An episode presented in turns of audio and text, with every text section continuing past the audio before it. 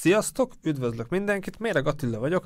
A Bécsi Rádió Orange stúdiójában üdvözölhetem Szalai Csabát. Szervusz Csaba, köszönöm szépen, hogy befáradt a stúdióba. Szervusz, és köszöntöm a hallgatókat is, sziasztok. Kedves nézőink, hallgatóink, én köszönöm a meghívást. Á, nagyon szívesen, már terveztük egy ideje, mert azért elfoglaltak voltunk mind a ketten, de mindig nagyon örülök, amikor végre személyesen lehet találkozni. Tehát azért te, te is csináltál online műsorokat, tehát teljesen más az egésznek a hangulata, ha az ember be tud jönni, hála az égnek, és maradjon is így.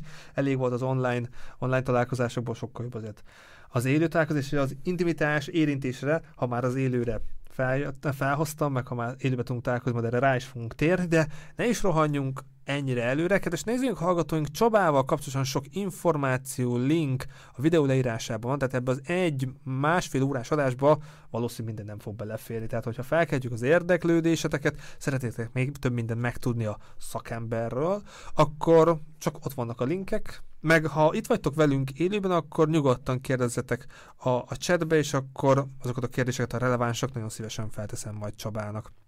És Csaba, fordulok is akkor hozzád. Az én életemben például nekem egészségügyi diplomám lett, én mentőtisztnek indultam, végül diplomás ápoló lettem. Itt a borítóképen is látják, olvashatják a nézők, hogy közgazdász, szociológus. Kezdjük ezzel, hogy neked ez így volt valami kattanás, volt valami irány, szülői terelgetés, hogy végül egy ilyen, ilyen diplomákat, diplomákat, gondolom, az kettő diploma, közgazdász, meg szociológus, ezeket a diplomákat így megszerezted, ebbe, ebbe az irányba indultál el? Szülői, szülői hatás volt, de szüleim egyik se volt közgazdász vagy szociológus, pláne nem. Tehát az, hogy szociológia, akkor még nagyon nem is tudták, hogy mit jelent. 80-as évek közepéről van szó. 87-ben érettségiztem. És igazából azért kerültem erre az egyetemre, a Budapesti Közgazdasági Egyetem, illetve akkor még Mars Károly Közgazdasági Egyetem volt, mert történelemből is jó voltam és még matekból is. Úgyhogy kérdés az volt, hogy na, akkor hova tanuljak tovább. A bátyám az orvosira ment. Mm, engem is érdekel, de nagyon rossz volt a biosztanárom, úgyhogy az úgy kimaradt. Másrészt én nem vagyok az a típus, aki öt évet végigseggel, tehát az, az egy nagyon kemény Ó, történet. És az az öt év az még csak a kezdet utána még a rezidensség, meg a szakvizsgálat. Én lustább ember vagyok, be kell valljam, és uh, szeretem az életet, és az, hogy ott üljek a könyv fölött napi 12 órát tanulni, az, az nem az én világom. A közgáz egy más világ volt ilyen szempontból. Igazából a közgáz arra volt jó, hogyha nem tudod, hogy mi akarsz lenni, akkor menjél közgázra, mert onnan még bármi lehetsz, nagyon sok minden. Tehát ott a 600-an indultunk abba az évfolyamba, volt egy-két találkozunk, és így lett belőle pilóta, lett a vállalkozó természetesen, az miért ne lenne. Nagyon sok, de nagyon sokféle irányba mentek emberek onnan szociális szférába egyaránt, vállalkozói szférába, magánszférába, vagy, vagy, vagy állami szférába legkülönbözőbb helyekre kerültek el, de lett belőle testneveléssel foglalkozó ember, olyan, aki, aki jogi pályára került, stb. stb.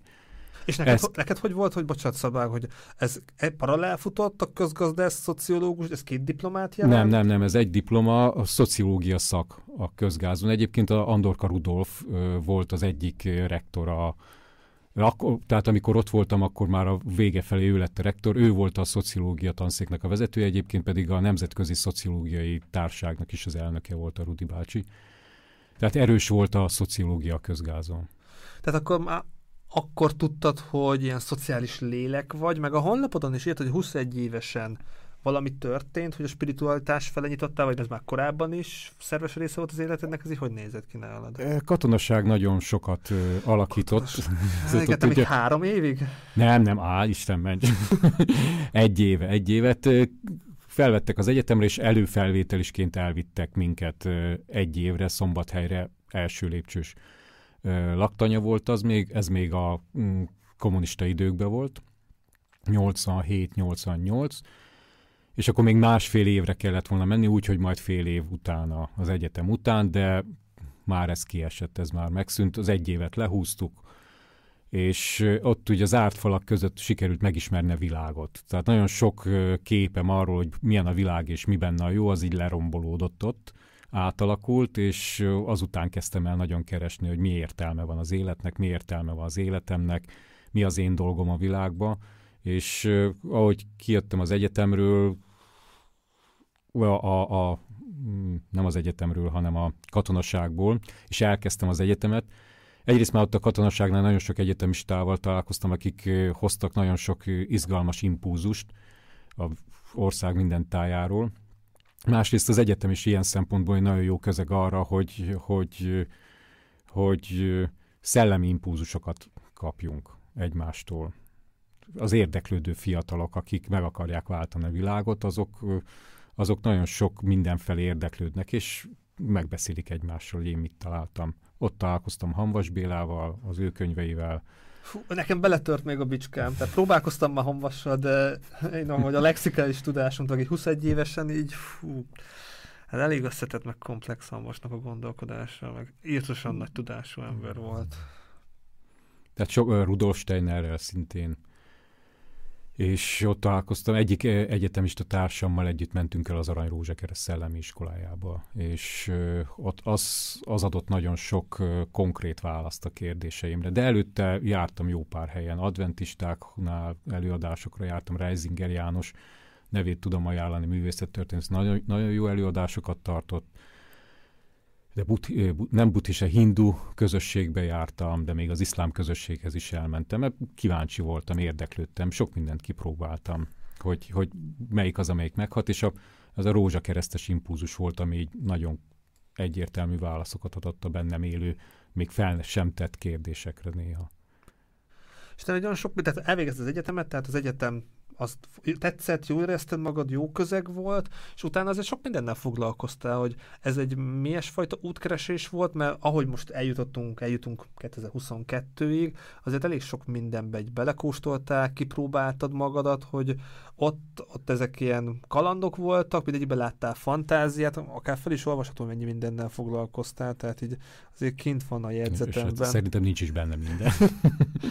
Tehát ezek, hogy a társasjátékklubtól kezdve, kertészettől kezdve, van ott minden, tehát így elég sok mindent érintettél, hogy itt láttál fantáziát, vagy valami, ezek ilyen projekt dolgok voltak, ez így hogy nézett ki? Láttam fantáziát ezekbe, tehát milyen jó játszva pénzt keresni például. Ez a gondolat, nem beszélve arról, hogy ez így egy kicsit a szociológiához visszakapcsolódott a társasjáték, mert mondták azt, hogy a német társadalom a háború után nagyon elkezdett társasjátékozni, és az, hogy újra tudott épülni a német társadalom, és meg tudta lépni azt, hogy újra vezetője lett az európai világnak, az sokak szerint, sok szociológus szerint a, a társasjáték kultúrának volt köszönhető. Többek között. És most is nagyon meghatározó, tehát így az Esseni társasjáték, nem fesztivál, találkozó, nem is tudom, minek hívják, tehát nagyon meghatározó a, a német társasjáték ipar.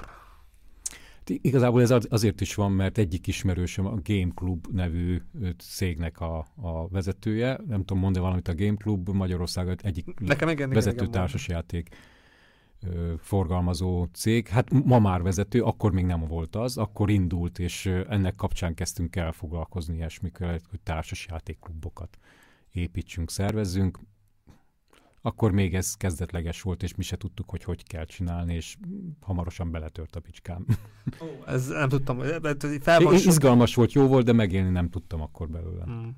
Csak így a felsorolom, tehát irodotechnikai eszközökkel foglalkoznak, biotej, forrásvízházhoz szállítás, kertépítés, tehát ezek, ezek paralel futottak? Volt, ami paralel egy, együtt futottak, aztán az egyik az egyértelműbbé vált, hogy igen, erre megyek tovább, tehát a biotej a, a irodatechnika mellett indult el, és nagyon gyorsan felfutott, volt rá szükség.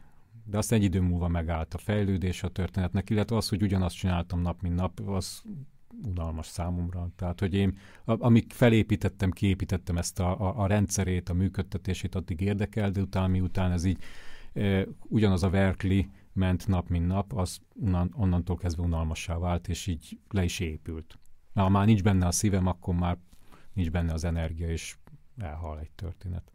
Totál értem, mire gondolsz. Akkor másképp megközelít, hogy volt olyan, ami, hogy mi volt az, ami legtovább így az életed része volt, vagy akár még most is az életed része van olyan? Hát az a rózsakereszt.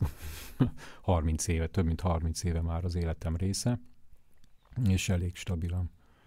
Másik ilyen a gyerekeim.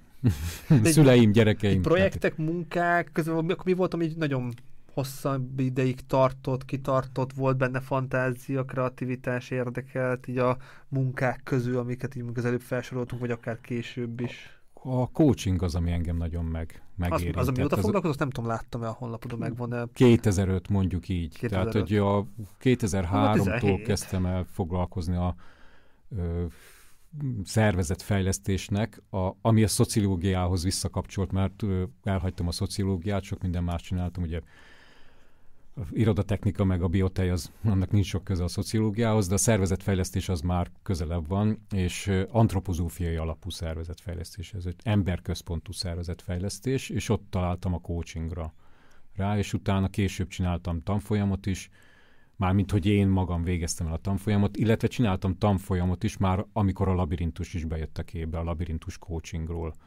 Másoknak adtam át ennek a tudását, ennek a izgalmát. Tehát ez 2005 óta megvan, és továbbra is coachnak is vallom magam, tréner, coach, szervezetfejlesztő. Ebből a coach az, ami a legerősebb. Ezt szeretem a leginkább csinálni. A személyes fejlesztés az, ami, ami amit imádok, hogy tudom más, egyrészt tudok a másikra figyelni, a másik emberre, ezer szállal rá tudok hangolózni, mind a tudásom, mind az intuitív megérzéseim révén tudok olyan kérdéseket feltenni, olyan visszajelzéseket adni, ami segíti őket abba, hogy, hogy rádöbbenjenek, hogy merre tovább.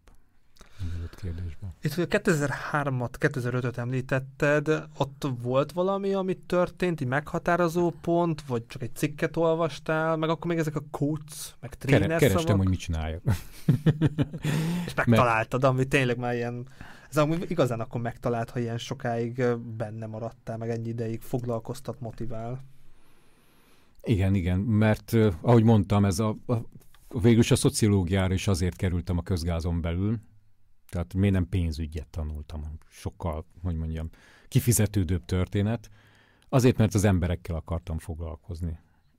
A pszichológia izgatott, és ez a coachingba jött nekem elő. Nem végeztem pszichológiát, bár vég, sok terápiás folyamatba vettem részt, mint, mint résztvevő, illetve tanultam is egy-két technikát, ami, ami hasznos a labirintus coachingnál például, a bodywork technikák. Mm, és tehát, hogy a visszatérve az eredeti gondolatmenethez, a, az emberrel való foglalkozás, az ember támogatása abba, hogy tudatosabbá váljon. Ez az, ami, a, ahova a coaching, mint eszköz beérkezett az életembe. És a tréningek is lényegében hasonlóak, ott is coaching alapú tréningeket csinálok. Én nem beszélek, keveset szeretek dumálni, tehát előadásokat nagyon ritkán tartok, és vannak, akik órákat tudnak beszélni, anélkül, hogy kapnának visszajelzést.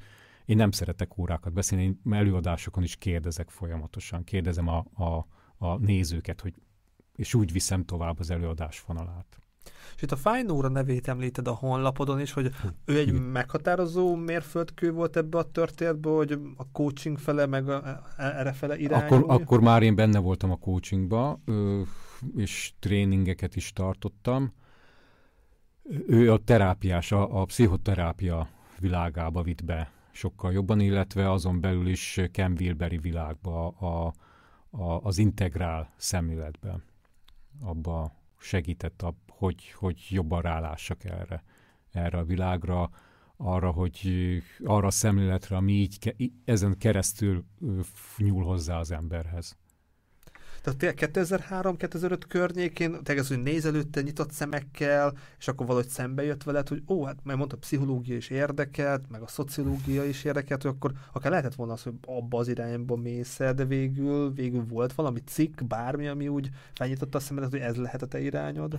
A egyik sem. Igazából az fel, akkori feleségem említette Takács Péter nevét, hogy őt keressem meg, mert ő érdekes lehet számomra és megkerestem a Pétert, és ő éppen akkor indította el ezt a antropozófia alapú szervezetfejlesztési szemléletnek a terjesztését Magyarországon, és be, be tudtam csatlakozni abba a csoportba, akik ezt hallgatták, tanulták, és nagyon sok tréner jött el hozzánk, akiket a Péter szervezett oda a világból, akik ezen az alapon dolgoztak. Érdekes, mennyi minden kis puzzle darab kell, hogy az ember, ember megtalálja az útját, és... Hát jó esetben, ha megtalálja, vagy még igazából az a jó, hogyha ha megtaláljad, de, de azon belül is keresi még tovább, hogy mi az, a, az, mi az a hegyes rész, vagy mik azok az apró részletek, amikkel még tudom a, az utamat csiszolni, tisztázni. Tehát, hogy de van, aki eldönti óvodás korában, hogy a jegesmedvék megmentésével akar foglalkozni, és rááll, és egész életében tényleg ezt csinálja. Vannak azok, a, a, ez egy másik típus, akik pedig folyamatosan alakítják az életüket, és folyamatosan újat találnak maguknak. Lehet, hogy nem teljesen újat, hanem azon belül valami speciális dolgot, amit már elkezdtek csinálni. Én ez a típus vagyok, ez a második. Hát gondolom így ásol le a nyúlüregében, és egyre több érdekes, izgalmas dolgot találsz, hogy akár ki is boncolgathatjuk, akkor kezdjük a, a coachingot. Tehát, hogy neked amúgy tudod, manapság ez a coach, mindenki coach és társai, tehát eléggé... Tízezer coach ország, vagy százezer, már most. Körülbelül, de azért 2003-2005-ben ez az egész azért nagyon mást jelentett, vagy más, más mennyire volt ismert, mit gondoltak az emberek, hogy neked amúgy a coaching az mit jelent? Tehát így meg tudod fogalmazni, van erre egy ilyen, nem azt mondom frappáns, egy gondolatod, de így, hogy ugye a 17 év alatt ez így hova formálódott benned? Ugye az a meglepő, hogy ez a szó ez nem fordítható igazából magyarra. És e, a csavar hozzá az, hogy ez a kocsi, a magyar kocsi szóból eredeztethető a coaching, mint kifejezés. Tehát, hogy teljesen fából vaskarika. Tehát végülis a kocsi az ami elvisz A-ból B-be.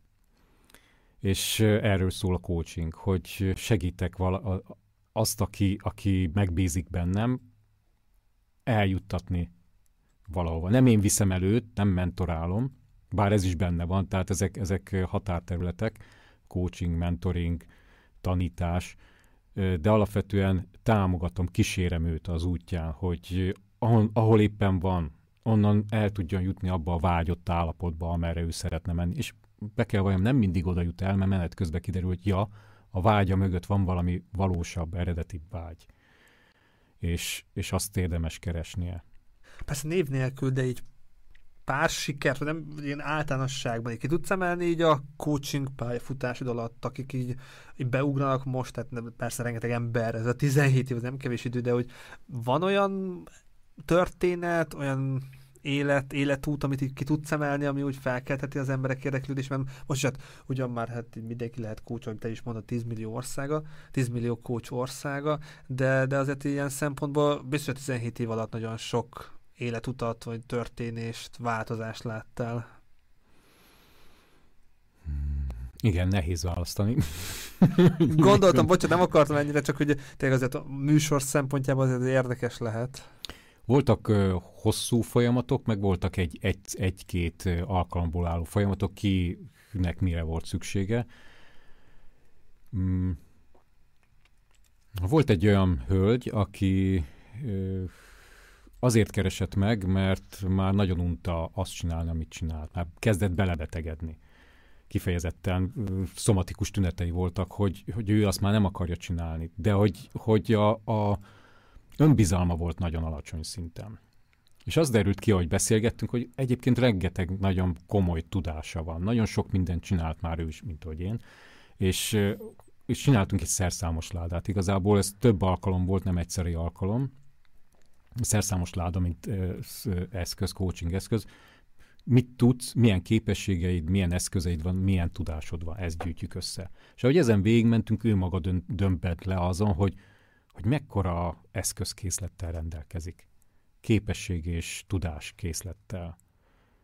És egy olyan bizalmat gyűjtött össze ez e kapcsán, hogy ő mindig kiszolgáltatott volt, és mindig alkalmazott és elkezdett ezek után egy saját vállalkozást csinálni, és, és nagyon profin beleállt. Az más kérdés, hogy jött a Covid, és éppen elvitte ezt a történetet utána, és meg, megkapott egy, egy másik lehetőséget, és most, most más csinál, de hogy, hogy azt máig azt mondja, hogy nemrég beszéltem vele, hogy hol tart, hogy ez neki nagyon erős váltás volt, és Hát például ott menet közben visszajelezte azt, hogy így telefonon visz, mondták neki, hogy te mi történt veled? Más a hangod.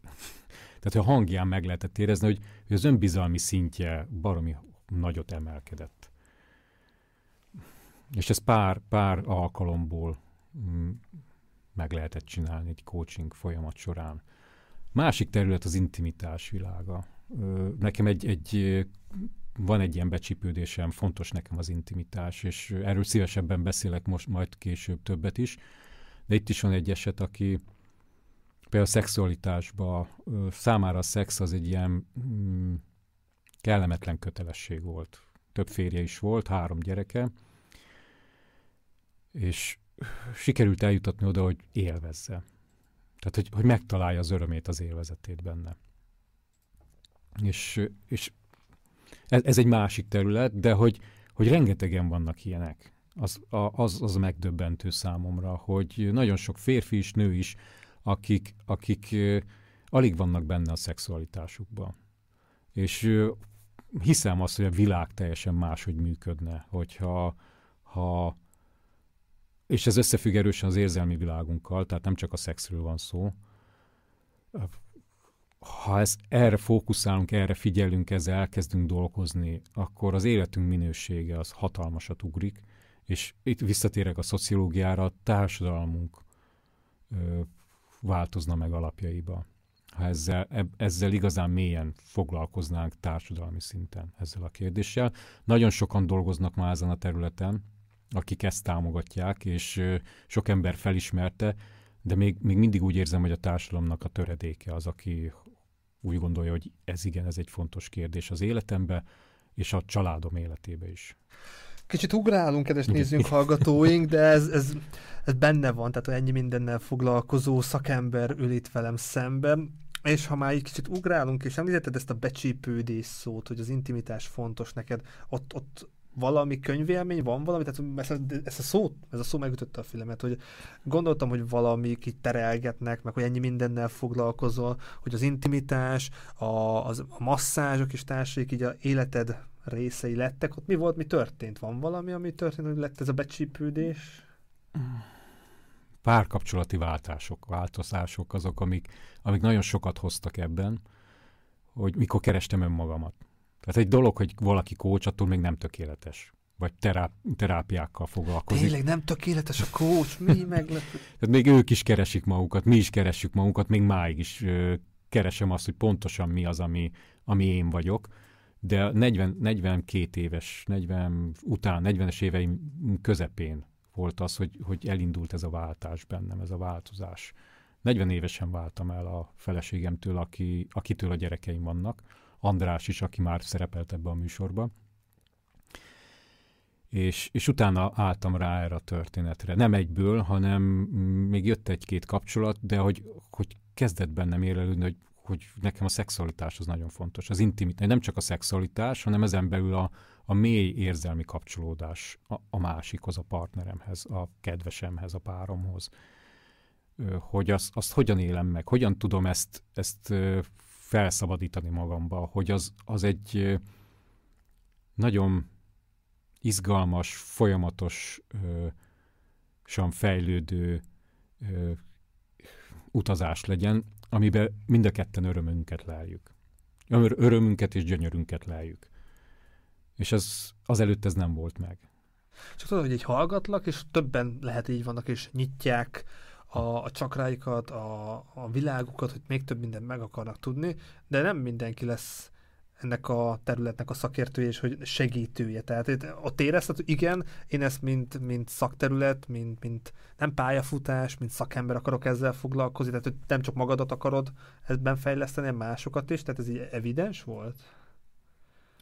Most akkor nem értettem a kérdésedet pontosan, hogy az egy, volt... Egy mindennel foglalkozol, és érezted, hogy oké, okay, fejlődni akarsz, de tudod, valaki fejlődik, és csak saját magát akarja uh-huh. fejleszteni, valaki meg ezt mint szakértő, mint segítő akar ezzel foglalkozni, másoknak segítő. Neked ez így evidens volt, hogy oké, okay, én ebben még, még jobban akarok mélyülni, és mint, mint segítő akarok ezzel foglalkozni? Nem volt evidens először, hanem hanem mikor erre így rádöbbentem, hogy ez, ez nekem fontos, és az érint, mint szeretetnyelv, ugye az érintés az nekem, nekem a központi szeretetnyelvem és a minőségi idő, így elkezdtem el ebbe az irányba keresgélni. Akkor dolgoztunk, dolgoztunk, akkor jártam a fájnórához, de ö, egyúttal azt vettem észre, hogy egy csomó ismerősöm már benne van ebbe a témába, segítőként. És akkor jött az ötlet, hogy szervezzem meg a Intimitás Fesztivált. Akkor még én nem dolgoztam ebbe a témába, azután kezdtem el én is ezzel foglalkozni, és erre felé orientálódni a coachingban is, illetve masszázsokat tanulni, amik, amik amik ezt segítik, segítik felszabadítani a bennünk lévő intim igényeket. De, De nagyon elfolytjuk nagyon le, lenyomjuk, és úgy gondoljuk, hogy jaj, ez, ez ciki, ez nem szabad, ez nem helyes, megtalálni magunkba azt, hogy mi, milyen vágyaink vannak ezen a területen. De az intimitást szeretném egy kicsit pontosítani, hogy nem csupán a szexualitással van összefüggésben, nem csupán a párkapcsolattal van összefüggésben. Mert anya és gyermekek között, vagy apa és gyermekek között is nagyon komoly intimitás lehet, illetve jó, hogyha van. Ez egy nagyon fontos része a történetnek, és egy mély intimitás a szülő és a gyermekek között segítheti azt, hogy mély intimitás legyen a párkapcsolatban később. De ugyanez a mély intimitás, ez megszülethet a köztem és a természet között is. Hogyan kapcsolódok a világgal, a világhoz, a természethez? Hogyan kapcsolódok az embertársaimhoz, akár kollegiális szinten is? Ott, annak is van egy intimitás része, és ez az lehet, hogy érintés, lehet, hogy megértésről szól. Tills van neve, nem tudom, mond-e valakinek valamit. Ő mondta azt, hogy a intimitás az nem szexualitás, hanem a kapcsolódásnak egy mély szintje. És kapcsolódni, nem csak kifelé kapcsolódok, hanem befelé is önmagamhoz. Tudok-e mély, intim kapcsolatban lenni önmagammal? Ha igen, akkor tudok igazából kifelé is intim kapcsolatban lenni. És akkor még tovább megyek, nem csak önmagammal, és nem csak a természettel, hanem a felsőbbrendűvel való intim kapcsolat az, ami, ami talán a legmélyebb gyökere az intimitásnak. És ha ide eljutok, és ezzel erre rá tudok nézni, azt tudom belevinni a világba, azt tudom belevinni a párkapcsolatomba, és minőségbe megváltozik az élet, minőségbe megváltozik körülöttem a világ, sokkal tisztább, ragyogóbb lesz, talán eljutok oda, hogy szerelmes legyek az életbe. Itt említettél sokféle fajta kapcsolódást, hogy szülő-gyerek, főnök beosztott, hogy akkor ezek így férnek el egymás mellett a te profilodba, hogy kis és nagy vállalkozások szervezetfejlesztésétől kezdve tréningekig intimitással, masszázsokkal foglalkozol? Tehát ezek mind-mind valamilyen szinten összekapcsolódnak a te világod, nem is a mi, inkább nem a mi világunkban. Egy, egy, egy kulcs szó talán a tudatosság az, ami, ami ezeket összekapcsolja. Képes vagyok-e hátralépni, ránézni arra, hogy mi történik velem, mi zajlik bennem, és tudatosítani, hogy ennek van-e helye, vagy nincs helye. Akarom ezt választani, vagy nem akarom. Ez segíti azt, hogy az én a, a célom, a küldetésem felé haladjak. És ami nagyon fontos az, hogy a tudatosság az nem, fel, nem ítéletalkotás. Nem ítélkezés, bocsánat. Ítéletalkotás lehet, de nem ítélkezés. E, inkább döntés. Kell nekem, vagy nem kell nekem. Segít engem, vagy nem segít engem. De az, hogy jó vagy rossz, az, az már az ítélkezés világa. És ez az egyik legnagyobb ráfenéje talán az emberiségnek, hogy folyton ítélkezünk megtanultunk ítélkezni dolgokat, pozitívba és negatívba pakolni, és kitolni az életünkből, ha a negatív skatujába tesszük a dolgokat, és sokszor ez társadalmi képeink, társadalomból, a szülőktől, a, a világból kapott ö, hm, hiedelmeink, képeink alapján döntünk ezekről, nem pedig igazából, nem pedig a belső valóságunk alapján. És akkor már ez fals, akkor ez már hazugság és az a tudatosság az, ami közel visz minket a, a, a valódi igazsághoz. Ez kapcsolja össze számomra a szervezetfejlesztés, a, az intimitást, a labirintust, a mit még? Hát egy sok mindent. Csapatépítéstől kezdve sok mindennel foglalkozol, de akkor ezek nem külön buborékok, hanem szervesen összefüggenek, vagy mindig... Vannak áthallások, úgy fogalmazom. Hát gondolom, valamelyik csapatépítésnél mondjuk ezt kéri a megrendelő, vagy, vagy ez a cél, akkor oda azt tudod beszűrni, vagy a, úgy, úgy kezded ezt az egészet. Nem tudom, milyen csapatépítések vannak például, amikre így felkérnek. Szervezeteknél, ami, ami viszont igazából izgalmas volt számomra, és egy küldetés volt többünk számára is, az, az egy nagyon speciális csapatépítés volt, és itt időzőjelben is teszem ezt, az kapcsolati erőszak terén történt ez a mm, tréning folyamat, ahol különböző területeken dolgozó szakemberek között igyekeztünk csapatot építeni, vagy segíteni az ők együttműködését. Ez inkább együttműködés fejlesztésnek mondanám. Tehát itt, itt rendőrökről, ügyészekről, bírókról, családsegítőkről van szó, illetve ov, ov, ovónőkről. Tanárnőknől is lehetett volna, vagy tanárokról, sajnos ők kevesen jöttek el ezekre a tréningekre. De ezek olyan emberek, akik a kapcsolati erőszak témájával találkozhatnak, és bizonyos helyzetekben össze kell, hogy dolgozzanak, de nagyon távol vannak egymástól. Nagyon különböző dolgokat csinálnak, más, más a, a, a keret, amiben dolgoznak. És arról szólt ez a tréning sorozat, hogy, hogy megismerjék egymást. Tudják azt, hogy jé, a rendőr is ember, a bíró is ember. Egy óvónő az sose beszélt bíróval sok esetben, és ott ezeken a tréningen találkozhattak velük, vagy ügyészekkel. Ezek ilyen nagyon homályos dolgok voltak számukra, hogy az mit csinál. És itt megtanulhatták egymást. Nagyon sok, egy tréningnél egyébként nagyon fontos a csapatépítésnél, hogy legyenek szünetek, ahol személyes kapcsolatok tudnak kialakulni az emberek között, és itt ebbe a tréning sorozatban ezek háromnapos bentlakásos tréningek voltak, ott volt erre lehetőségük. És nagyon gyönyörű volt látni azt, hogy mi, mi született meg a három nap végére. És itt a honlapodon is láttam, hogy a Pilis Csabán is dolgoztál, Érintés Fesztivál, ezek a projektek, ezek így hogy találtak meg? Mert amúgy tök jó, hogy mondjuk a Pilis Csabán is a közösségi ódák pedagógusainak továbbképzésén részt vett, ezek mondjuk nagyon izgalmas munkák. Pilis Csabán laktunk, tehát ott, van, tehát ott csináltam közösségfejlesztést, elkezdtem mozogni a községbe, hogy kicsit fölrázom annak a községnek a, a, a közösségi életét, és ennek kapcsán kerültem bele ezekbe a projektekbe. Az önkormányzat, ez egy önkormányzati projekt volt, konkrétan onnan kerestek meg, hogy vigyek végig egy projektet ezzel kapcsolatban. Ez nagyon-nagyon szimplikus, hogy ennyire nyitottak voltak, és láttak ebbe, ebbe fantáziát, és fontosnak érezték. És az Érintés Fesztivál, mert beszéltünk az Intimitás Fesztiválról, az Érintés Fesztivál már öt éve volt, az ilyen közelebbi időpont 2017. Igen, az Intimitás Fesztiválok 2012 és 2013, ezek aránylag nagyobb, vol- nagyobb volumenű, tehát így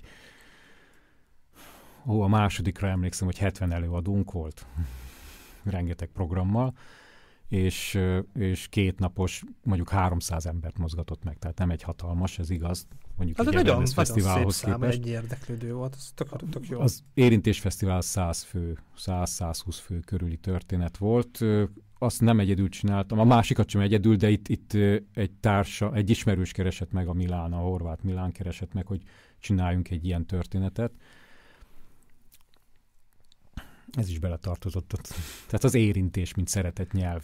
Tanuljuk, lépjünk rá, hogy erre, erre szükségünk van, ismerjük fel azok, akiknek ez fontos, és kezdjünk el érinteni. Nagyon sokat jelent az érintés. Kis gyermek, egy csecsemő, hogyha nem kap elég érintést, elpusztul, meghal. Ez egy táplálék. Hát meg Fed már is mondja, és vissza lehet menni, hogy már a, a magzati korban is, hogy milyen hatások érik a, a magzatot, akár ének, akár beszéd, akár az anyát, mennyi stressz, tehát itt annyi minden összefügg. De maradjunk itt az Intimitás Fesztivál, meg az Érintés Fesztivál, hogy ez három időpont, ezek így, így voltak szépek, így voltak jók, vagy lehet, hogy lesz folytatás, vagy jó lenne, hogyha lenne folytatása, ezek milyen élmények voltak, milyen kifutása lehet még esetleg, mert ahogy te különleges dolgok, akár mondhatom azt, hogy kár, hogy csak három volt. Kár, mondjuk Milán csinálta tovább, ő csinált utána érintésfesztivált még, intimitás fesztivált is csinált online. És csak te, vettél részt háromszor benne. Én, Jaj, én indítottam el, akkor mondjam, mondjam. Tehát egy kicsit, ezt, ezt, ezt így szeretném fenntartani, hogy elindítottam ezt a gondolatot, hogy ezt érdemes csinálni. Tovább léptem, tovább más kezdtem el, mással kezdtem el foglalkozni. Másrészt az a helyszín, ahol, ami, ahol tartottuk az intimitás fesztiválokat, az nem fogadott be utána minket. Ez a Magnetház volt egyébként. Azt mondta a vezetés, hogy a Magnetbanknak ez ciki egy kicsit, hogy ott ilyen intimitás fesztivál van. De akkor létezik, meg, meg Milán dolgozik, csak te ebbe a projektben, igen, igen, igen. projektben nem vettél részt. Az Érintés Fesztivál az egy kicsit lájtosabb történet ilyen szempontból ami, amit viszont folytatódott tovább, az éppen most szeptember végén volt egy intimitás elvonulás. Ez egy sokkal kisebb, kisebb kísérleti projekt volt, egy háromnapos kis létszámú történet, és ott, ott, ott a, az, azt a koncepciót próbáltam ki, hogy, hogy összefoglaljam ezt a három területet. Intimitás mással, kapcsolódás valaki máshoz, általában férfi a nőhöz, nő a férfihez, intimitás önmagammal, ez volt a második nap, a harmadik nap pedig a intimitás a felsőbb szférával. Hogy ezt a hármat összekapcsoljuk egy folyamatba, és, és abból mi születik meg. És a visszajelzések azok nagyon pozitívak voltak. Akik ott ezen részt vettek, azok az, arról számoltak be, hogy megváltozott az életük, nyitottabbakká váltak, máshogy nyúlnak most már a, a, a, a férfi a nőhöz, a nő a férfihez. Szabadabb, közvetlenebbül tud kapcsolódni. Rengeteg pozitív visszajelzés jött, hogy neki ez mit hozott az életébe. Olyan jó ezeket a sikereket hallan, hallgatni, meg tényleg így azért a 17 év, és ez szuper, hogy már e, megtaláltad az utadat, persze azon belül azért így mélyebbre, mélyebbre mész.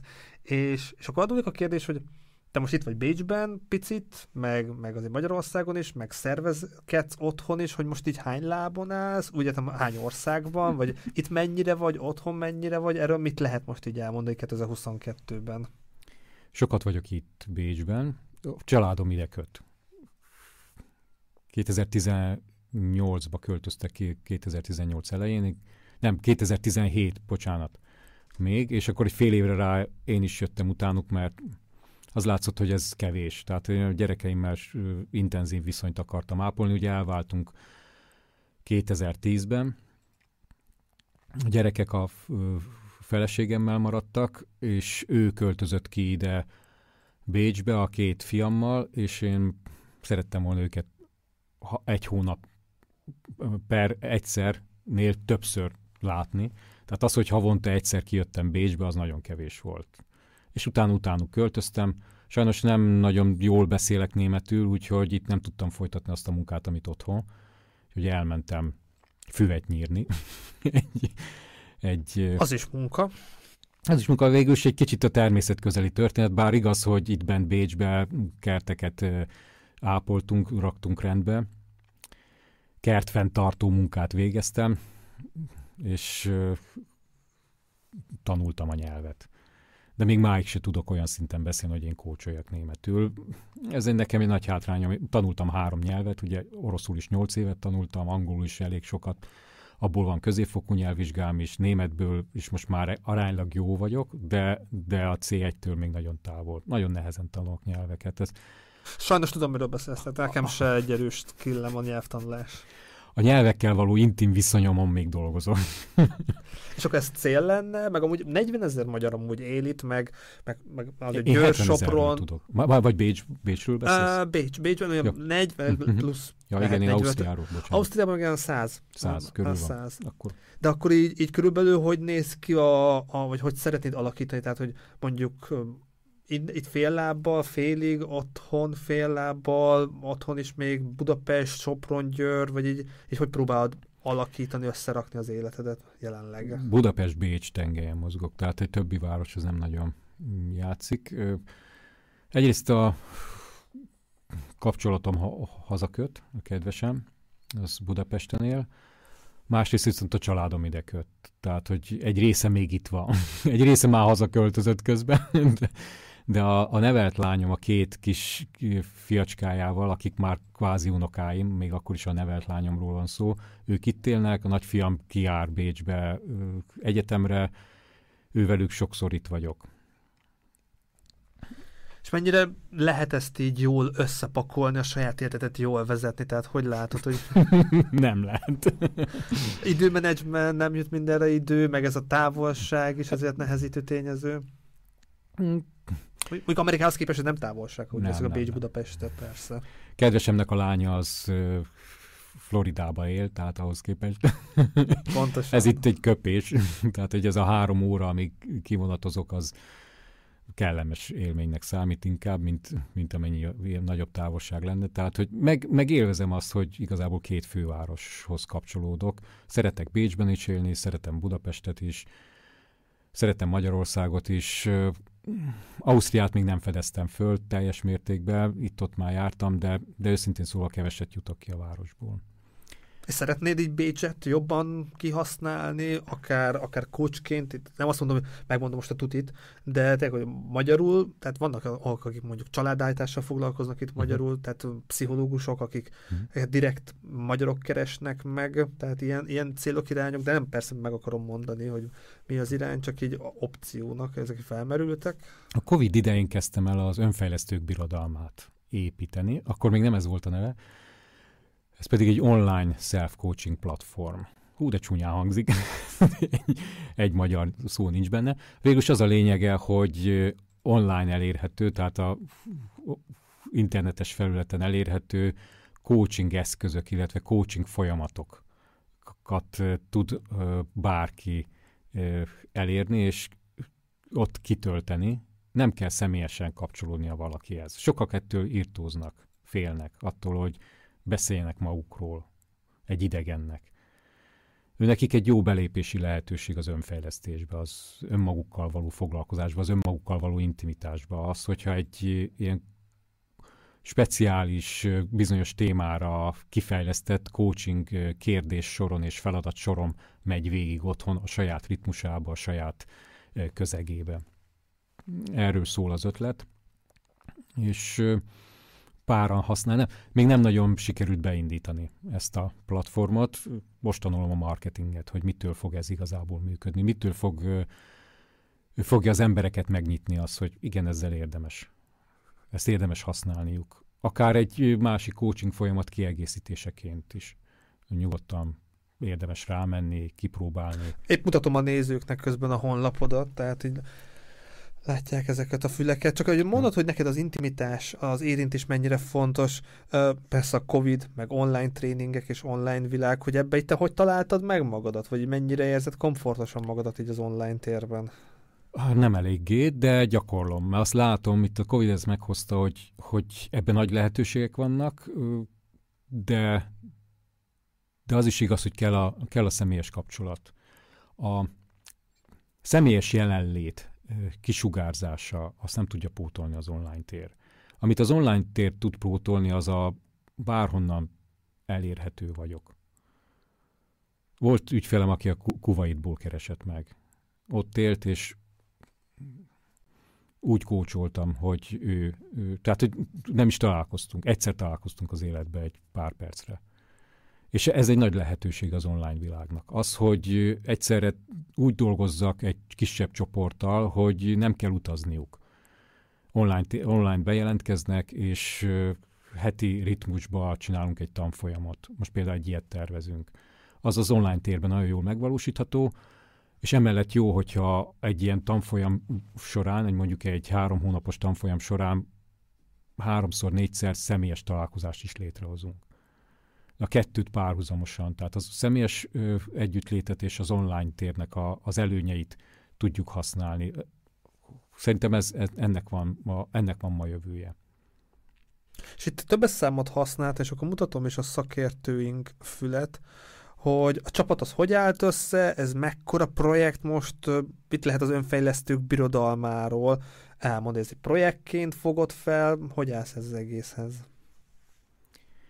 Most négy fős a csapat, hárman vagyunk kócsok és egy informatikus társunk van, aki szintén mm, nem érintetlen a témával kapcsolatban, ő startupokkal akar foglalkozni többek között, mint informatikus, de nem csak mint informatikus, hanem mint olyan, aki, aki segítő is e, ezen a területen, tehát egy kvázi coachként dolgozik. A, viszont az is igaz, hogy valamelyest leült a közös munkánk ezen a területen, mivel jelenleg nem, nem sikerült beindítani úgy ezt a, ezt a platformot, hogy legyen 100 vagy 200 klubtag. Ez mikor indult dolgozik. körülbelül? Tehát... Hát úgy mondom, hogy építgetjük. Tehát kell hozzá tőke. Mikor, akkor mikor kezdtétek építeni, csak hogy egy ilyen folyamatban tudjuk hova 2000 te... márciusa, akkor fogad meg bennem az ötlet. Tehát onnan, onnan eredeztetem a történetet, és a, a nyár folyamán állt össze a csapat, akkor még jóval többen voltunk. A 2000? Nem, nem 2000. Ez itt a Covid-ot is 2020-ról van szó. A 2020. Ah, oké. Okay, okay. És kezdtük kialakítani, hogy mi is legyen ez pontosan. Ez körülbelül egy fél éves vajudás volt vagy még több, mire, mire így kezdett kiformálódni, hogy mi legyen. Utána elkezdtük az online platform építését, az megint egy fél év. Tehát nagyjából egy évünk ezzel elment, és most egy éve éve mm, próbálgatjuk azt, hogy mitől lesz ez, ez izgalmas. Azt látom, hogy, hogy kell az élő jelenlét. Tehát az, hogy online elérhetünk egy ilyen felületet, az, az kiegészítőnek jó.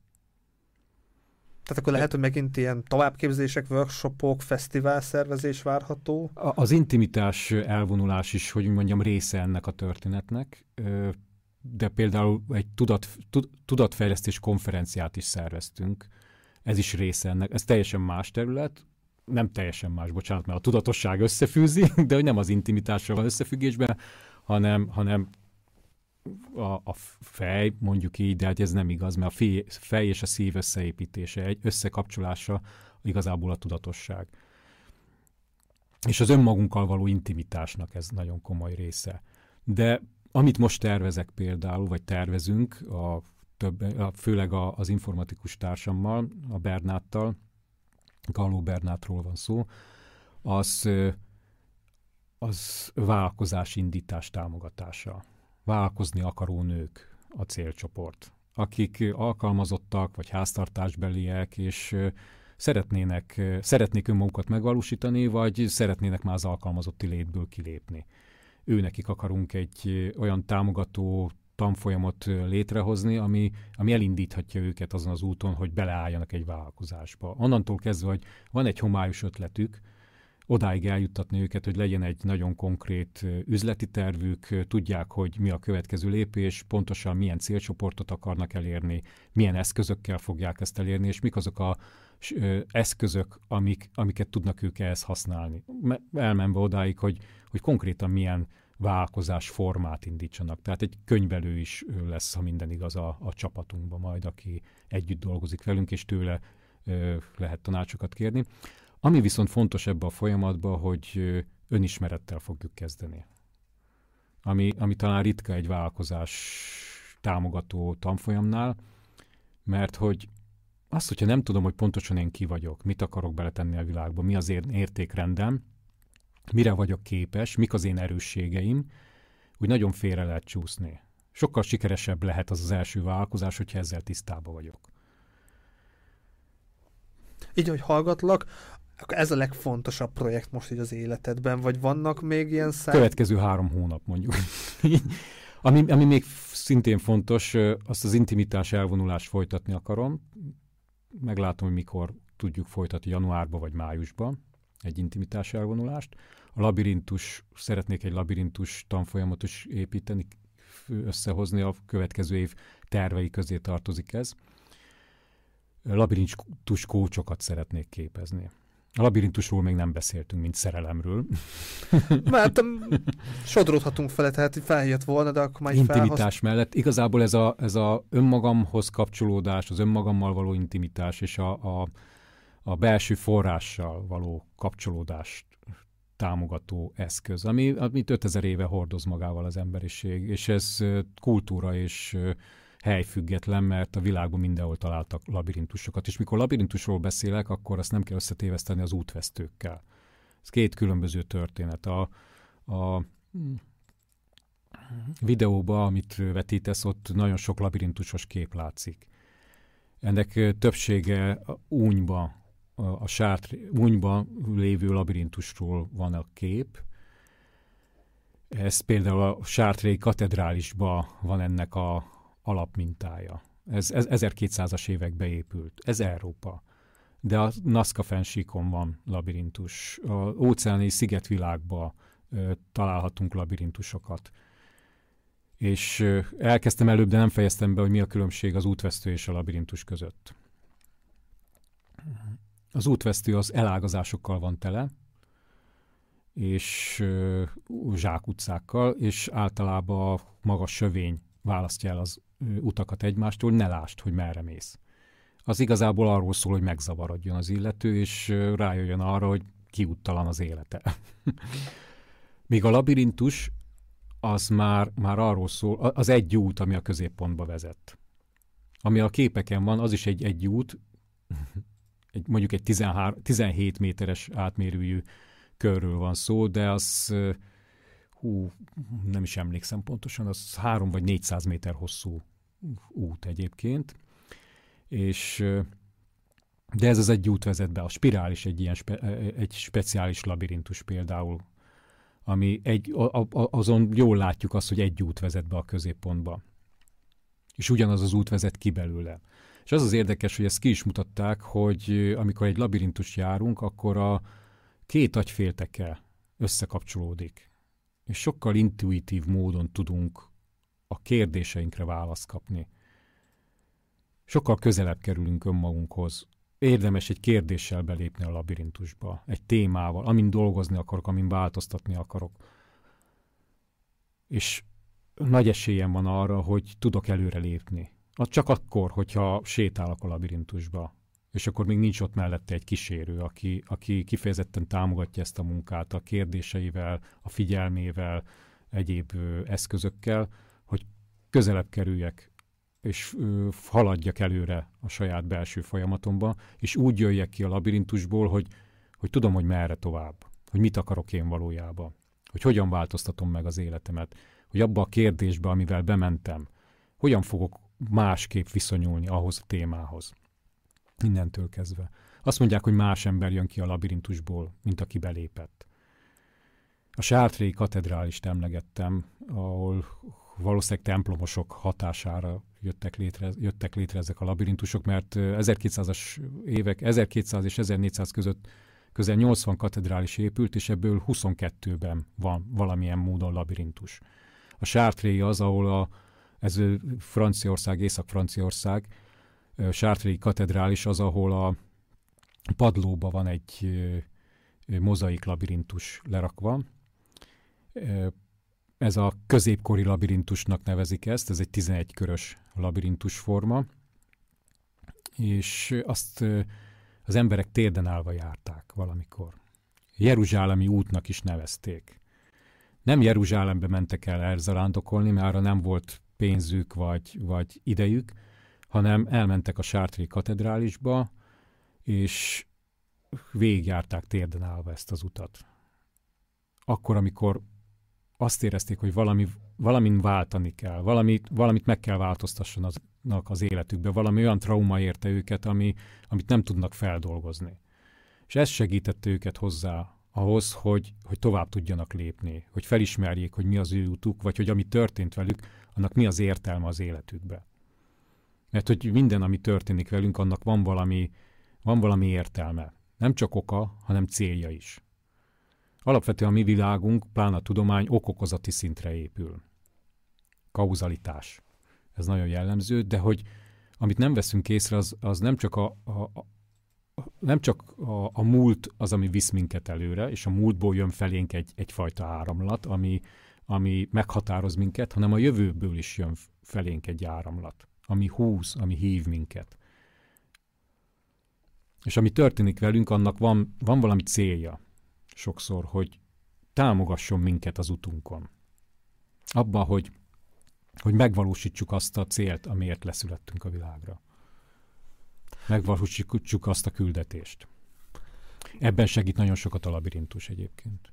Jól veszem ki a szemétből, hogy számodra ez nagyon meghatározó, és nagyon fontos most a labirintus élmények, labirintus foglalkozások, vagy ez is egy fontos pillére a, azok közül, pillér azok közül, amikkel foglalkozol. Igen, igen. Ez, a labirintus egy eszköz. Az intimitás az téma. A coaching szintén eszköz, de az egy nagyon széles spektrumú eszköz, és ugye a labirintus coachingról beszélek, tehát a coaching eszközeit használom, fűzöm össze a labirintus erejével. Építek is labirintusokat. Tehát az a, az a kép is, ami, ami látszik ott, Azokat A- is én építettem. Ez, hát ez egy, ez egy, itt csoportosan építettük, együtt építettük, ez a Pilisbe volt, ez a kis labirintus járás. Ez már nem létezik, ez a labirintus, ezt ideiglenesen hoztuk létre, de a, a ahol például a gongos hölgy is ott középen gongozik, vagy, vagy, vagy a hatalmas csoport áll körülötte, ez, ez egy állandó labirintus ma is létezik. Únyba Rózsakereszt, Arany Rózsakereszt Szelme iskolájának a Magyarországi konferencia helyén van ez a labirintus. Ezt is nem én építettem, mert elég nagy munka lett volna, de ezek a srácok, akik ott körbe vannak, nemzetközi csapat volt ott egyébként, rengeteg fiatal jött össze, főleg Európából, a rózsakeresztes fiatal, és együtt építettük ezt a labirintust. De viszont én terveztem, és én vezettem ennek az építését. Te Rózsakeresztet már többször említettük.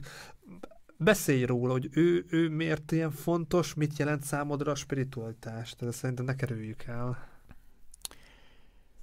Hú, ez, ez egy nagyon fogós kérdés, és nagyon nehéz kérdés. Hát azért ott a podcastben van időnk, meg még van idője a műsorra, tehát nem, vagy, vagy be kell nem soká fejeznünk, de Előtte iszom egy kicsit. igen, hidratálás az mindenképpen fontos, hogy épp testben, épp lélek, ez egy nagy mondás. Mielőtt nekifutok ennek a témának. Ugye mondtam azt, hogy ez, ez nagyon régóta meghatározó az életemben. 21 éves korod óta. Hogy lehet, 21 évesen léptem be, és azóta is oda tartozom, rendszeresen járok a, a konferenciára, konferenciáira, és együtt dolgozom a többi rózsakeresztessel. Ez, ez egy tanulóság. Folyamatos tanulóság. Mégpedig minek a tanulása? Önismeret, emberismeret, Istenismeret. Talán ezt lehet mondani. És az, hogy mi az dolgom, mi az utam az életbe. És ez a megszabadulásról szól. Arról, hogy van két természetrend. Van egy földi, egy lezárt dialektikus természetrend, és van egy statikus, egy isteni természetrend. És nekünk emberünknek az a, az a dolga alapvetően, hogy kilépjünk a szamszarából. Ez már egy buddhista kifejezés, vagy keleti kifejezés, de hogy kilépjünk a létkerekéből, az él, a folyamatos megszületés, felnövekvés, aláhanyatlás és halál kerekéből. De az érdekes az, hogy, egy, tehát, hogy ki lehet lépni, mutattak erre utat bölcsek, tanítók az utóbbi 5-6 ezer évben, amiről vannak feljegyzéseink, írá, tudásunk. Aránylag kevesen tették ezt megállítólag, viszont az is igaz, hogy együtt össze vagyunk fűzve az, az emberiség, és ez egy olyan út, ahol ami arról szól, hogy én, ha sikerül meglépni ezt a kilépést, utána érdemes visszajönni, vagy, vagy itt maradni, hogy úgy mondjam, és támogatni a többieket is, hogy megtegyék ezt a lépést, kilépjenek ebből a, hát ahogy Butha írta, ugye a szenvedés világából. Előbb-utóbb eljön az öreg, öregedés, a betegség, a halál. És hogy az életnek így nincs értelme. Ezt 20, 20 éves koromban ez így be, beégett, hogy ennek így teljes, ez teljesen értelmetlen az élet, és most akkor ugorjak a Dunába, vagy mi. De egy más másokat is megnéztem, mondtad, hogy iszlámmal is foglalkoztál. Tehát Kerestem, igen, ez, hogy milyen választod erre a problémára, hogy mi, mi az értelme az életnek. És itt a Rózsa keresztbe találtam meg az értelmét. Oppá. Ja igen, hát ez az. A 42. Ez az. Jó, csak... A 42 mi? Az élet értelme. Jó, ez a, ja. ez a galaxis, galaxis úti igen, igen, ott, ott van, igen. igen. De hogy ez, ez, ez a ez a kérdés, és ez minden, mindannyiunkban ott mozog. Van, aki számára kezd tudatossá válni, van, akinek nagyon tudatos, és van, aki pedig ezt tudattalanul hajtja az életébe, és keresi, keresi a válaszokat, és van, ahol meg is találja magának, ami nem biztos, hogy hosszú, nem biztos, hogy, hogy a valódi válasz, de az ő aktuális életébe ez, ez őt kielégíti. Ad egy biztonságot. Nekem a biztonságot ez adja. Abba, hogy, hogy én ezen az úton vagyok, és az, hogy hova fogok ezen eljutni, ezt majd az élet hozza. Nem biztos, hogy sikerül eljutni a jó véghez, ahogy a katárok mondták hajdan, vagy a rózsakereszt a európai hagyományba gyökerezzik jó részt, a katárság és a grál hagyományok azok, amik, amik, amik, hogy mondjam, mögötte vannak, vagy amire épít. Azt is mondja a rózsakereszt, hogy ez a, a katár, a, a katár, a grál és a rózsakereszt energiáját hordozza a mai Arany Rózsakereszt Szellemi Iskolája. Ez viszont nem jelenti azt, hogy nem tekint tisztelettel a, a, az utóbbi 5-6 ezer év ö, ö, nagy tanítóira, Laocéra, Buthára, a, a perzsa tanítókra. Természetesen ez egy krisztocentrikus iskola, tehát ez keresztény, alapvetően keresztény iskola de még számtalan olyan tanítót emlegethetnék, Tajánai Apolós, Apolós akit, akiről nem nagyon hallottunk, Jézus idejében működött egyébként, ő is egy hermetikus tanító volt, vagy Pitagorász iskolája. Ezek mind-mind arról szóltak, hogy, hogy felismertessék azzal a közeggel, akiket elértek, hogy mi az élet célja, és mire, mi végre születtünk meg, és hogyan tudunk kilépni ebből a halál, élet-halál körforgásból. De ha már te ülsz itt velem, hát három, gyere, három gyerekes apukaként, ezért most már 17 éve kócsolással foglalkozol, mindig találsz új kihívást, új, új projektet az életedbe, te így meg tudtad fogalmazni, mi az élet értelme, vagy így körülbelül tök jól érzed magadat, és, és jó, jó, jó a testben lenni? Jó a testben lenni? Igen, én szeretek a testemben lenni, imádok táncolni, szabad táncokat, az nagyon...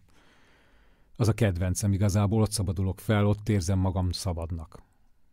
Leginkább, vagy mozgásban, futás, biciklizés, úszás, de a tánc az, ami, ami, ami magasra emel. Ott minden izmomat megmozgatom, és az egyfajta meditáció. Tehát nem csak a testemnek a mozgása, hanem, hanem egy belső belső fókusz is egyúttal. És a jelenbe, a jelenbe létezem akkor. Megérkezek a jelenbe, ahol nagyon ritkán vagyunk. Nagyon ritkán vagyok én is. Akkor egész nap táncolnál, bocsánat, csak így adódik a kérdés, ennyire ilyen meghitt. Né- ilyen... Néha kell a pihenés is, néha kell az összebújás is. De abban hogy nem miért el? Bocs, bocsánat, hogy... A táncban? Hogy azt mondjuk nem akarod. Ez jó kérdés, látod? Ezt néha én is felteszem magammal. Hát éljél még száz évig, és akkor idő van, belefér a mozgás, mint, mint tánc, a felszabadult tánc, a felszabadult mozdulat, talán így fogalmazok, az, ez az, ami várat még magára, hogy megtaláljam magam úgy benne, hogy ez, ez esetleg hivatás is legyen. Vagy de hogy nem muszáj mindent hivatásszerűen csinálni. ez is igaz, de hogy egyébként annyira, annyira erős vonzódásom van hozzá, hogy, hogy még én magam se értem, hogy miért nem. Valószínűleg nem találtam meg a formáját még. De, de hát még úgy érzem, hogy, hogy még előttem van de ennek így a sok mindenne foglalkozol, nem egy picit? Vagy ez így, ez még úgy elbírja a hátad? Így profánul, vagy egyszerűen? Az is lehet. És akkor még a masszást, még a, a műsor vége fel, hogy a masszázsban miért mélyedtél el ennyire? Tehát... Ez az intimitással függ össze nagyon erősen. De nagyon, a, a, a... Ez, ezek olyan masszázsok, amikkel, amiket én csinálok, ami, ami hű, mesztelen, általában mesztelenül történik olajos, meleg olajos masszázs, a lomi-lomi masszázs. Ez egy havai templomi masszázs egyébként, lomi-lomi nui. Ez a templomi masszázs, ez a fordítása, az, amivel kezdtem. És nagyon élvezem, nagyon izgalmas számomra, és itt, itt, itt az én testem és a, az, annak a testek kommunikál egymással, akivel, és az energetikai szintünk is, akit éppen masszírozok nagyon intuitív történet, és nagyon mély jelenlétet tudok benne megélni. Ez is egy tánc egyébként önmagában, ahogy, ahogy mozdulok, ahogy visz, visz a mozdulat. Ez alsó karral is dolgozik, illetve én használom a testem egyéb részeit is alkalmanként, mert ott is a, a mély érintések. Jó, de tudod, ezt meg kell kérdezni, mert adódik a kérdés, hogy a, az egy erotikus Erotikus masszázs. Ma, maga a lomi-lomi masszázs az nem erotikus masszázs alapvetően. Az is arról szól egyébként, mint a labirintusjárás. Havai, Havajon azok az emberek, amikor elmentek a masszázsra, azért mentek el, mert valami, valami nem működött az életükben. Tehát nem olyan, mint a lingam meg a jónima, tehát ezek teljesen más halmazok. Ö, nem teljesen más halmaz, ö, mert az érintésről szól mind a kettő, a mély érintésről és annak a lelki hatásáról is.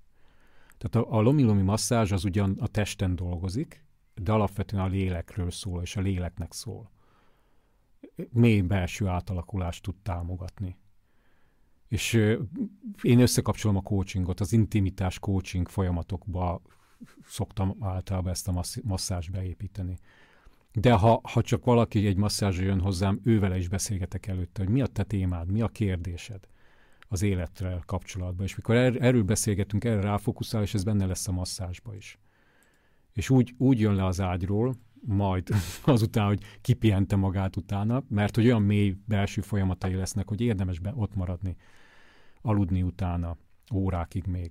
Hagyni, hogy ez a, a linga, meg a juni masszázs, az nekem is valahogy így velem szembért, meg tudom micsoda, de ez a lomi lomi nui, uh-huh.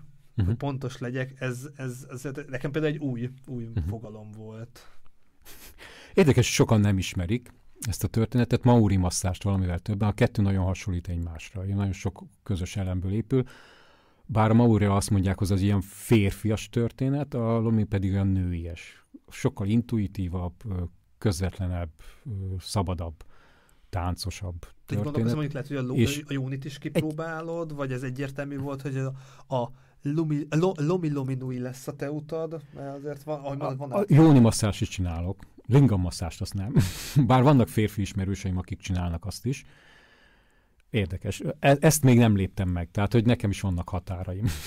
De hogy hát, ezek, egy, egy, ez, ez, ezek sokszor a határátlépésekről szólnak, és a terápia is, a coaching is, a ö, labirintus is, ezek is határátlépés támogató eszközök. Lépjem át a saját határaimat Nekem is megvannak. Akkor ezt mondod, hogy foglalkozol a jóni masszázs, akkor mi a kettő között a különbség? Tehát van valamit a, meg lehet foglalmazni a, a, a lomi, lomi? Lomi és a jóni masszázs igen, között. Igen, igen, igen, lomi is lehet, erot, lehet benne a, a szexualitást felébreszteni, uh-huh.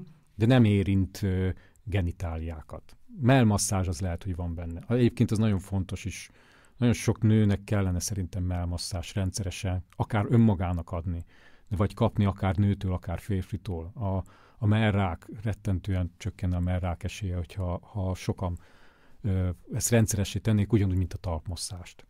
De a talpmasszázs is már rengeteget segít. Na visszatérve az eredeti kérdéshez, mert elkanyarodok sokfelé. Ö, de hogy nem, nem a szexualitás a középpontja, az felébresztheti a szexualitás vágyát, és utána le is vezeti a lomi Míg a jóni masszázs az kifejezetten arról szól, hogy a szexuális energiát fölébresze, nagyon erősen fölébresze, sokkal fokozottabban fölébresze, mint a, mint a lomi masszázs, ha az is benne van, és utána annak az energiáját a szívbe elvezesse. És ezt a kettőt összekapcsolja. És ez egy más típusú történet. Az is egy belső intim munkát támogat.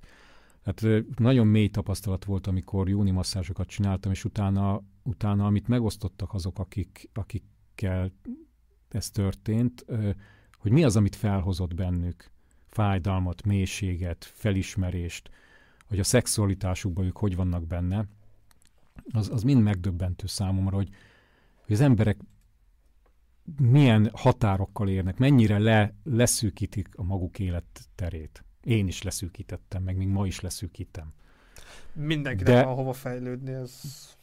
De hogy, hogy mennyire bezárják magukat egy képbe, hogy ezt mit lehet, mit nem lehet, mi a helyes, mi nem helyes, és hogy, hogy ezek tudnak felszakadni, felszabadulni, és közelebb kerülni önmagukhoz, közelebb kerülni ahhoz, hogy az életük minősége emelkedjen.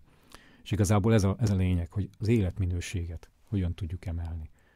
És akkor záró gondolatok, ismerjük meg a kócsot. Amiatt kezdtem egy a Jóniba, meg a Lomi-Lomiba jobban belemenni, hogy a pároddal ezt így amúgy mennyire volt nehéz így lekommunikálni, hogy te ezzel is akarsz foglalkozni, vagy már akkor már ezzel foglalkozom, akkor megismerhet. Tehát ez, ez mégis egy, ahogy mondtad, hogy vannak határok. Mi, ta, kinek, mi tantra, tantra jogán ismerkedtünk meg. A tantra joga az azért közel áll ehhez a történethez. Tantra jogára jártunk, mind a ketten egy csoportba, ott ismerkedtünk meg, és ott, ott nyitottak voltak ezek a témák bár ő, ő ezen a területen azért zártabb volt, mint én, és egy darabig eltartott, hogy elfogadja azt, amiket én csinálok, de, de ahogy ő fogalmazott, hogy rájött, hogy attól vagyok én ő vele olyan, amilyen, és amit, ami, ami miatt működik a kapcsolatunk, és amiért nagyon szerelmesek vagyunk egymásba, mert, mert én ilyen vagyok, és ezeket csinálom, és ezek a, ezekbe szabadulok föl.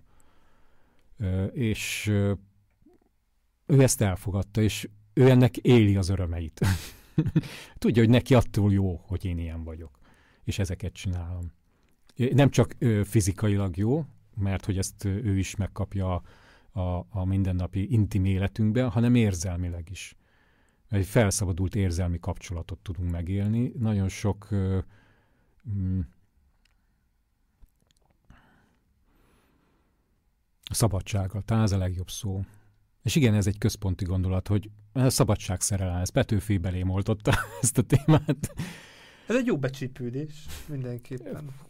Nekem ott van minden, tehát a labirintusban ott van a szabadság, ott van a coachingban, a szabadság fokokat emeljük, és az intimitásban ott van az, hogy, hogy felszabadítjuk a Rudolf Steinerhez vissza tudnék kapcsolni, akinek az első könyve volt Magyarországon, a szabadság filozófiája például. Tehát itt, itt, a, itt bejön a spiritualitás is, a, az európai mély spiritualitást, amit akarok említeni, mert hogy van felszíni spiritualitás is, de az antropozófia, vagy a rózsakeresztesség, vagy a teozófia is még itt talán ide tehető, ők is erről beszélnek a határainkról, hogyan lépjük át a határainkat.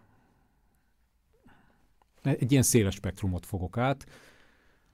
Jövőben még ez kapcsol, remélem még fog szélesedni a tánccal, és még egy területtel talán a önismereti kalantúrákkal, ami egy régi álmom, hogy ilyeneket vezessek. Az a, majdnem olyan, mint az erdőfürdőzés szerűség, erre mit lehet így elmondani záró gondolatnak? Önmagamhoz kapcsolódás a természeten keresztül. Természet nagyon segíthet ebbe, hogy, hogy rátaláljak arra, hogy mi az életem értelme, hogy mi a jó nekem. Ennyi. Nagyon tudom, miről beszélsz. Én hét hónapig zarándokoltam egy táskával a természeten keresztül, hm. szóval mindenkinek tudom ajánlani, hogy minél több időt töltsön a természetbe. Kedves nézőink, hallgatóink, ebbe az adásba Csabával ennyit gondoltunk berakni, reméljük felkeltettük az érdeklődést. Hogyha tetszett az adás, érdekes volt, akkor minden további link ott lesz Csabával a videó leírásában. Csaba, köszönöm szépen, hogy be tudtál fáradni a műsorba, és hogy élőben tudtunk találkozni, beszélgetni. Figyelem, hogy merre jársz, mit csinálsz, és sok sikert kívánok a jövőben a mostani aktuális projektekhez, és még azokhoz a projektekhez, amik még lehet, hogy képbe jönnek. Köszönöm szépen a meghívásodat, és én is búcsúzom akkor a hallgatóktól. Köszönöm még egyszer, hogy itt lehettem. Sziasztok, vigyázzatok magatokra, legyen szép napotok!